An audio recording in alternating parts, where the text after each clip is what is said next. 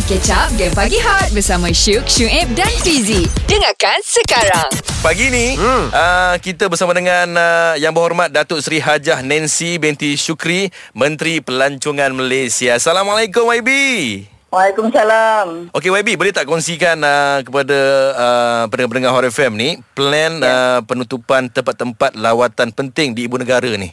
Ya, uh, sebenarnya uh, kita sudah merancangkan uh, uh, apa bukan bukan saja merancangkan ya. Uh-huh. Kita telah memberi uh, apa nama arahan uh-huh. malah uh, untuk mereka serta merta semalam untuk menutupkan uh, apa nama tempat-tempat yang di bawah seliaan uh, kita uh-huh. di bawah seliaan uh, jabatan dan agensi di bawah uh, Motek.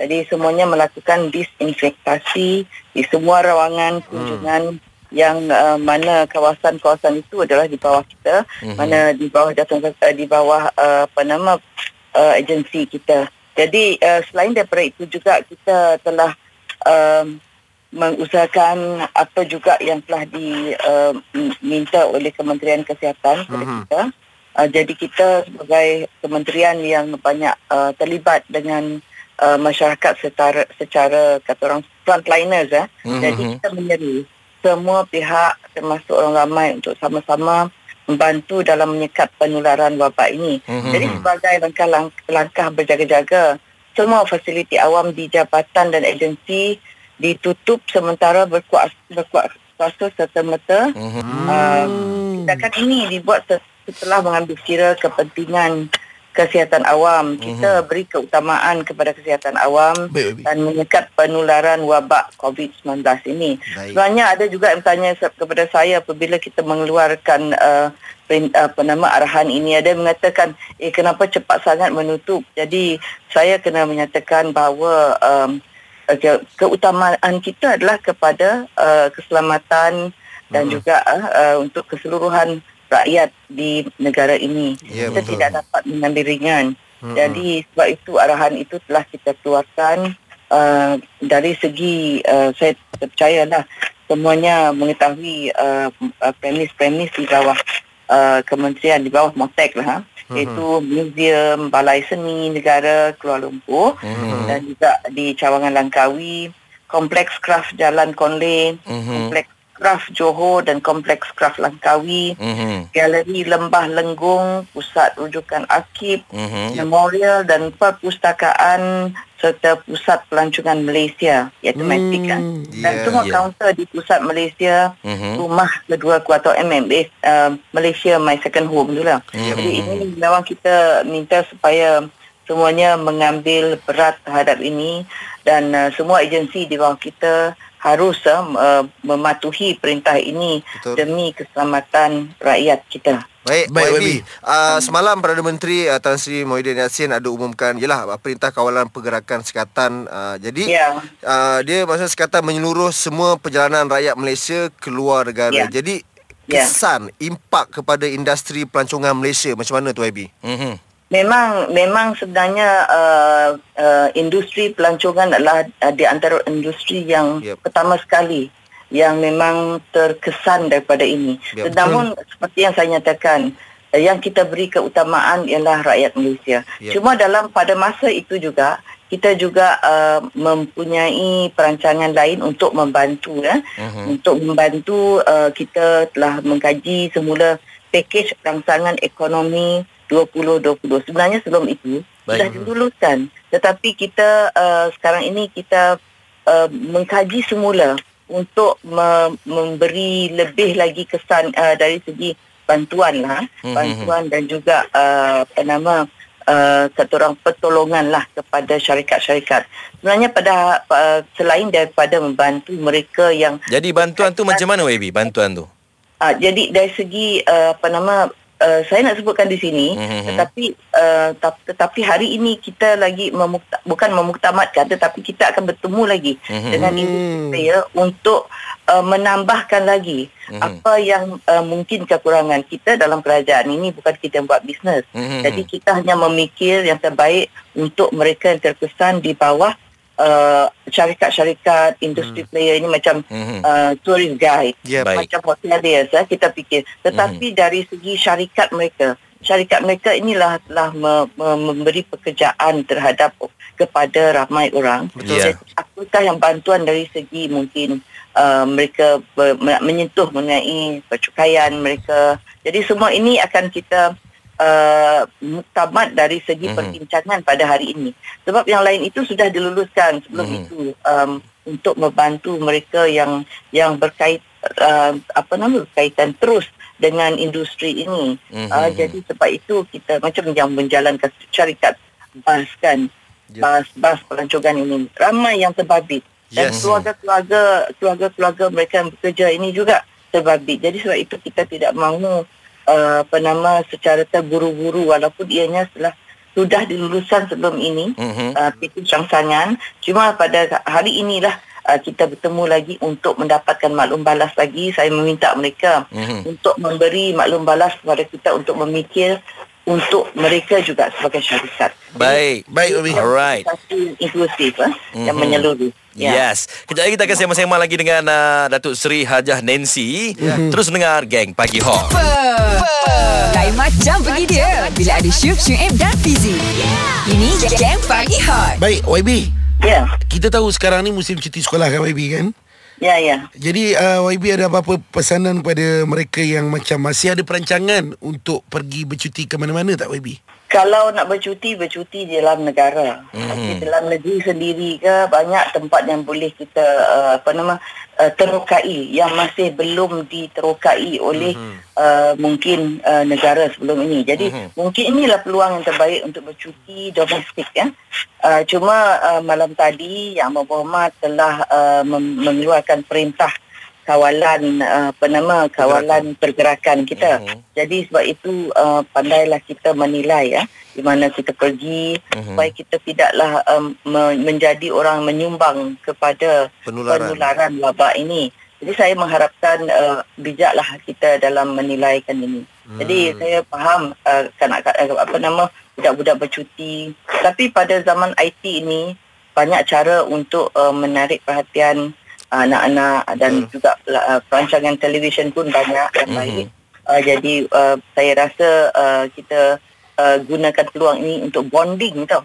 Uh, merapat kesilaturahim mm-hmm. dengan keluarga dan kanak-kanak mm-hmm. dan, dan juga uh, apa nama dalam uh, di kalangan keluarga yang terdekat lah yang yeah. yang bersama di rumah itu dan inilah peluang untuk kita uh, juga untuk uh, me, memberi uh, tips kepada anak-anak kita yeah. mengenai uh, wabak ini supaya mereka memahaminya mm-hmm. dan bagaimana mm-hmm. untuk mengatasinya. Betul. Selain daripada itu juga ingin saya nak kongsi juga ah, kita mm-hmm. di di Botex. Baik. Kita uh, ada menubuhkan Tourism Recovery Action Council okay. uh, yang menjadi platform kepada uh, semua pihak untuk berbincang, meneliti mm-hmm. dan menyelaras semua isu pengurusan dan impak penularan wabak COVID-19 ini kepada mm-hmm. industri pelancongan. Baik. Sebenarnya dalam beberapa hari ini, dari hari pertama saya masuk ke pejabat, mm-hmm. sudah kami bertemu dengan uh, industri players ini.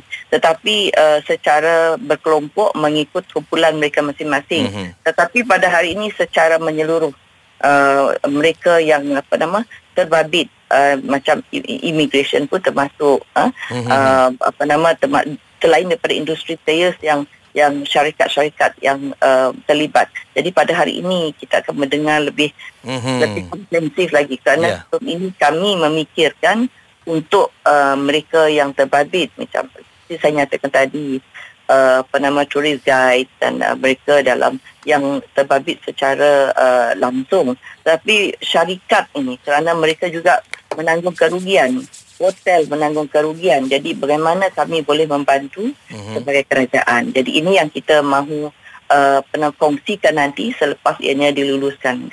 InsyaAllah lah semuanya. InsyaAllah.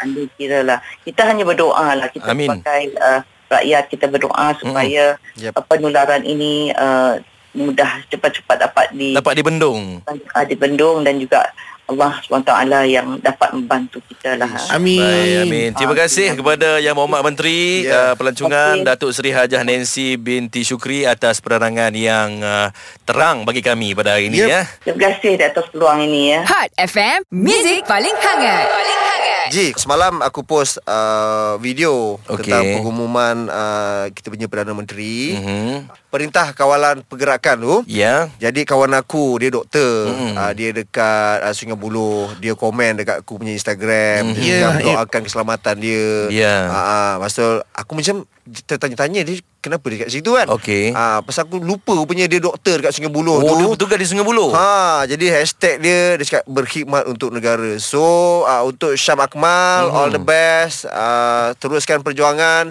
Semoga dipermudahkan dan awak pun sentiasa dilindungilah insya-Allah. Ya Ah, sebab ini semua angsang hero kita ni. Betul. Ah, Betul. bukan kata doktor je. Misi-misi. Misi nurse apa semua. Eh, orang kira macam me, mem, apa meletakkan nyawa tau. Membanting tulang setiap hari I- Itu side doktor Side di hospital hmm. Kita jangan lupa juga Side-side anggota Badan beruniform Betul. Yang jaga keselamatan negara kita Betul. Pastikan semuanya berjalan dengan lancar Yes. Lepas tu uh, Nak pesan sikit lah Janganlah ada berita-berita palsu Yang disebar-sebarkan eh Ingat eh Nanti boleh buatkan orang panik. Yes Betul Baiklah pagi ni kami nak dengar suara rakyat Malaysia mm-hmm. Sampaikan sesuatu yang baik-baik kepada petugas-petugas kita ni Ya. Ah, Berikan semangat kepada mereka guys mm. Ah, Kita faham ada di kalangan uh, petugas-petugas uh, kita Yang ada di hospital yang dah berminggu-minggu tak balik rumah Kena kuarantin kat Kuarantin sana. kan Terpaksa duduk kat hospital Betul. uh, jumpa, Tak jumpa dengan anak, uh, anak bini Yes. Macam semalam uh, Ada seorang pemanggil kita daripada Kuching Dia cakap suami dia dekat 2 minggu dah tak balik Betul. kan? uh, Tengok tengok muka anak-anak dekat uh, Ni video call. Video Video call call saja kan Yes. Hmm. So hari ni jom kita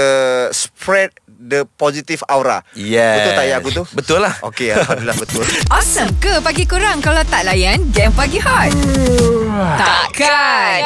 So, dengarlah Syuk Syuib dan Fizik. Eh guys, pagi ni uh, kita sempat menghubungi salah seorang pendengar kita. Ya. Rakyat Malaysia yang kini berada di Itali.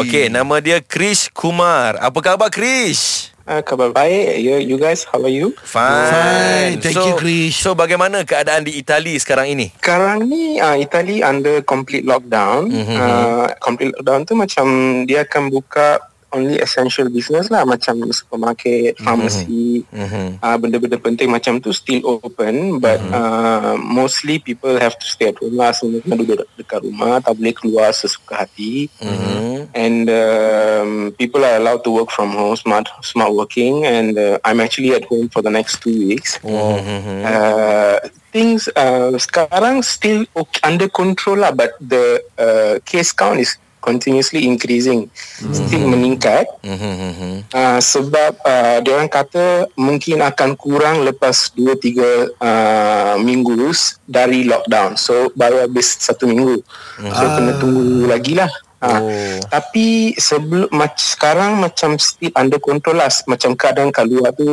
orang dah dah biasa duduk kat rumah sekarang. Mhm. So tenang, just relax at home. Mm-hmm. Ada uh, kecoh kat luar, panic buying. Dah tak ada lah. Mula-mula ada lah. Tapi mm-hmm. sekarang tak ada. Okey, boleh kami tahu uh, awak berada di kawasan mana dekat Itali tu? Uh, sekarang saya ada di Northern Italy. Northern di Italy. Sebuah bandar yang dipanggil Verona in between Milan and Venice. Oh, oh. Krish Krish uh, di Itali dah berapa lama Krish Dan awak bertugas sebagai Apa kat sana? Saya sekarang sedang, sedang bekerja. Mula-mula saya belajar kat Milan. Mm-hmm. Then I move to Verona for my job. Sekarang dekat sini saya tengah kerja lah. Oh. So uh, da- dalam satu rumah tu berapa orangnya ada? Kat rumah saya, saya dengan saya punya housemate. Mm-hmm. Uh, tapi biasanya kat sini, biasanya bukan macam Malaysia. Kat Malaysia kita boleh tengok banyak rumah teres, rumah mm-hmm. double story, then kondo. Kat sini uh, 90% rumah dia macam apartment kondo. So memang uh, population dia concentrated sangat sebab oh. itu pun salah sebuah uh, faktor kenapa kes semakin meningkat. Alright. Okey, uh, Chris, mungkin awak nak sampaikan uh, ucapan kepada keluarga yang mungkin sedang mendengar Hot FM sekarang ni? Try your best to stay at home. Jangan keluar sesuka hati. Kalau keluar pun ambillah uh, langkah-langkah berhati-hati. Uh, wash your hands properly. 20 seconds. Tolong jangan percaya semua benda yang di uh, orang share dekat social media. Jangan mm-hmm. panik, jangan panic buy and uh, tolong follow uh, Kementerian Kesihatan dalam Twitter ataupun Facebook. Follow semua guideline. Itu saja Yes. saya nak sampaikan. Baik, Alright. thank you Krish Hot FM, Music paling hangat. Paling hangat. Selamat pagi guys Anda masih lagi angkat dengarkan kami di Gang Pagi Hot Esok uh, akan berlangsungnya Perintah Kawalan Pergerakan hmm. uh, Seperti mana yang telah pun diwar-warkan oleh Yang Amat Berhormat uh, Tan Sri Muhyiddin Yassin uh, Perdana Menteri Malaysia semalam guys Ya betul mm-hmm. Sehingga 31 Mac Itulah dia Ya, yeah, apa-apa pun kita still lagi nak berpesan semua tolong uh, kekal uh, jaga keselamatan. Yeah. Pastikan jarak anda kalau boleh elak orang ramai elak. ha, Jangan bersalam-salaman Kalau boleh Ya yeah, Tapi kadang-kadang habit tu dah terbiasa Ter juga kadang-kadang Aku tadi Tersalam. dah buat, dah buat kesilapan sikit Alamak aku kena sanitize tangan aku sekarang Eh, Aduh tak, aku terpeluk tadi Roni, Roni Hussein. Aduh Penyanyi tu. Oh, Tak apa, tak sebab aku perasan tadi dia dah sanitize badan dia. Ah, dah sanitize badan dia. aku pun tanya dekat tadi. Ah. Abang tak ada demam apa semua? Tak ada, tak ada, tak ada. Ah, takut. Pasal ter, terbiasa salam. yelah, yelah. Okey, so hari ni kita nak apa ni nak dengarkan kata-kata lah ucapan daripada pendengar kita mm-hmm. tentang mereka-mereka yang terpaksa bekerja Betul. di sepanjang 2 minggu ni kan. Mhm. Ah, Okey, so ini ada satu Twitter ni Ji. Aha. Nama dia Nizam Muhammad 37 mm-hmm. Itu tweet handle dia okay. Dia cakap May everyone stay uh, stay safe Mhm. Dear doctor and nurses Thank you, thank you Your endlessly effort mm-hmm. Bersengkang mata Bertarung nyawa Nak keep the rate As minimal as possible mm-hmm. Our heroes To Allah I pray that Coronavirus will be vanish Amin. Yes. Saya punya sepupu Ada Dan juga Syazurin mm-hmm. ah, Sangat bertugas eh? Oh bertugas. Ah, Itu pun dah, dah, dah 2 minggu tak balik. Allah Akbar. Ah. Quarantine Ji eh? Kuarantin Itu ada dia punya Itulah. pengorbanan tu. Hebat Hmm. Dahsyat. Tahniah eh? Lain macam pergi dia Bila ada Syuk, Syuib dan Fizi.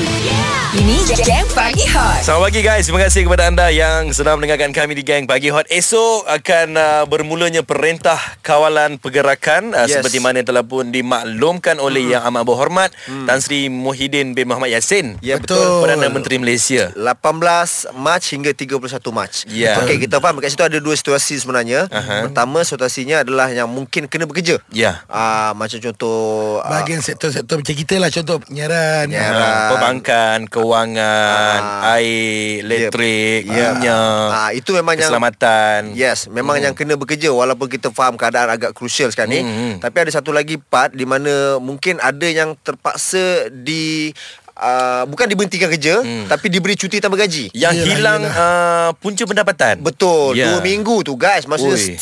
setengah bulan punya gaji hilang. Allah Ah, so pada yang uh, di berada, di site tu kita harap uh, pertama bersabar. Bersabar. Okey, lepas tu kita Rancang pembelajaran anda Betul Syukri Maksudnya dah dah tengok dah kewangan macam mana apa semua kan standby untuk perbelanjaan macam ah itu ada lebih kurang macam gitulah kan. Mm. Ah so kena ha- lebih berwaspada lah ke depan. Ya, dalam Yes. keadaan macam ni kita kena jangan panik. Betul? Bawa bertenang, Ya, bawa betul. bersabar. Ha. Anggap semuanya dalam keadaan terkawal Ya. insya-Allah. Ya. Betul. Katanya Syuk ada buat loan peribadi eh. Saya ada buat loan peribadi. Bukan, bukan kau buat loan. Orang boleh buat loan dengan kau.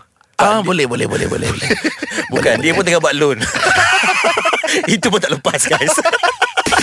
Dengarkan Game Pagi Hot setiap Isnin hingga Jumaat jam 6 hingga 10 pagi bersama Syuk, Syuib dan Fizi.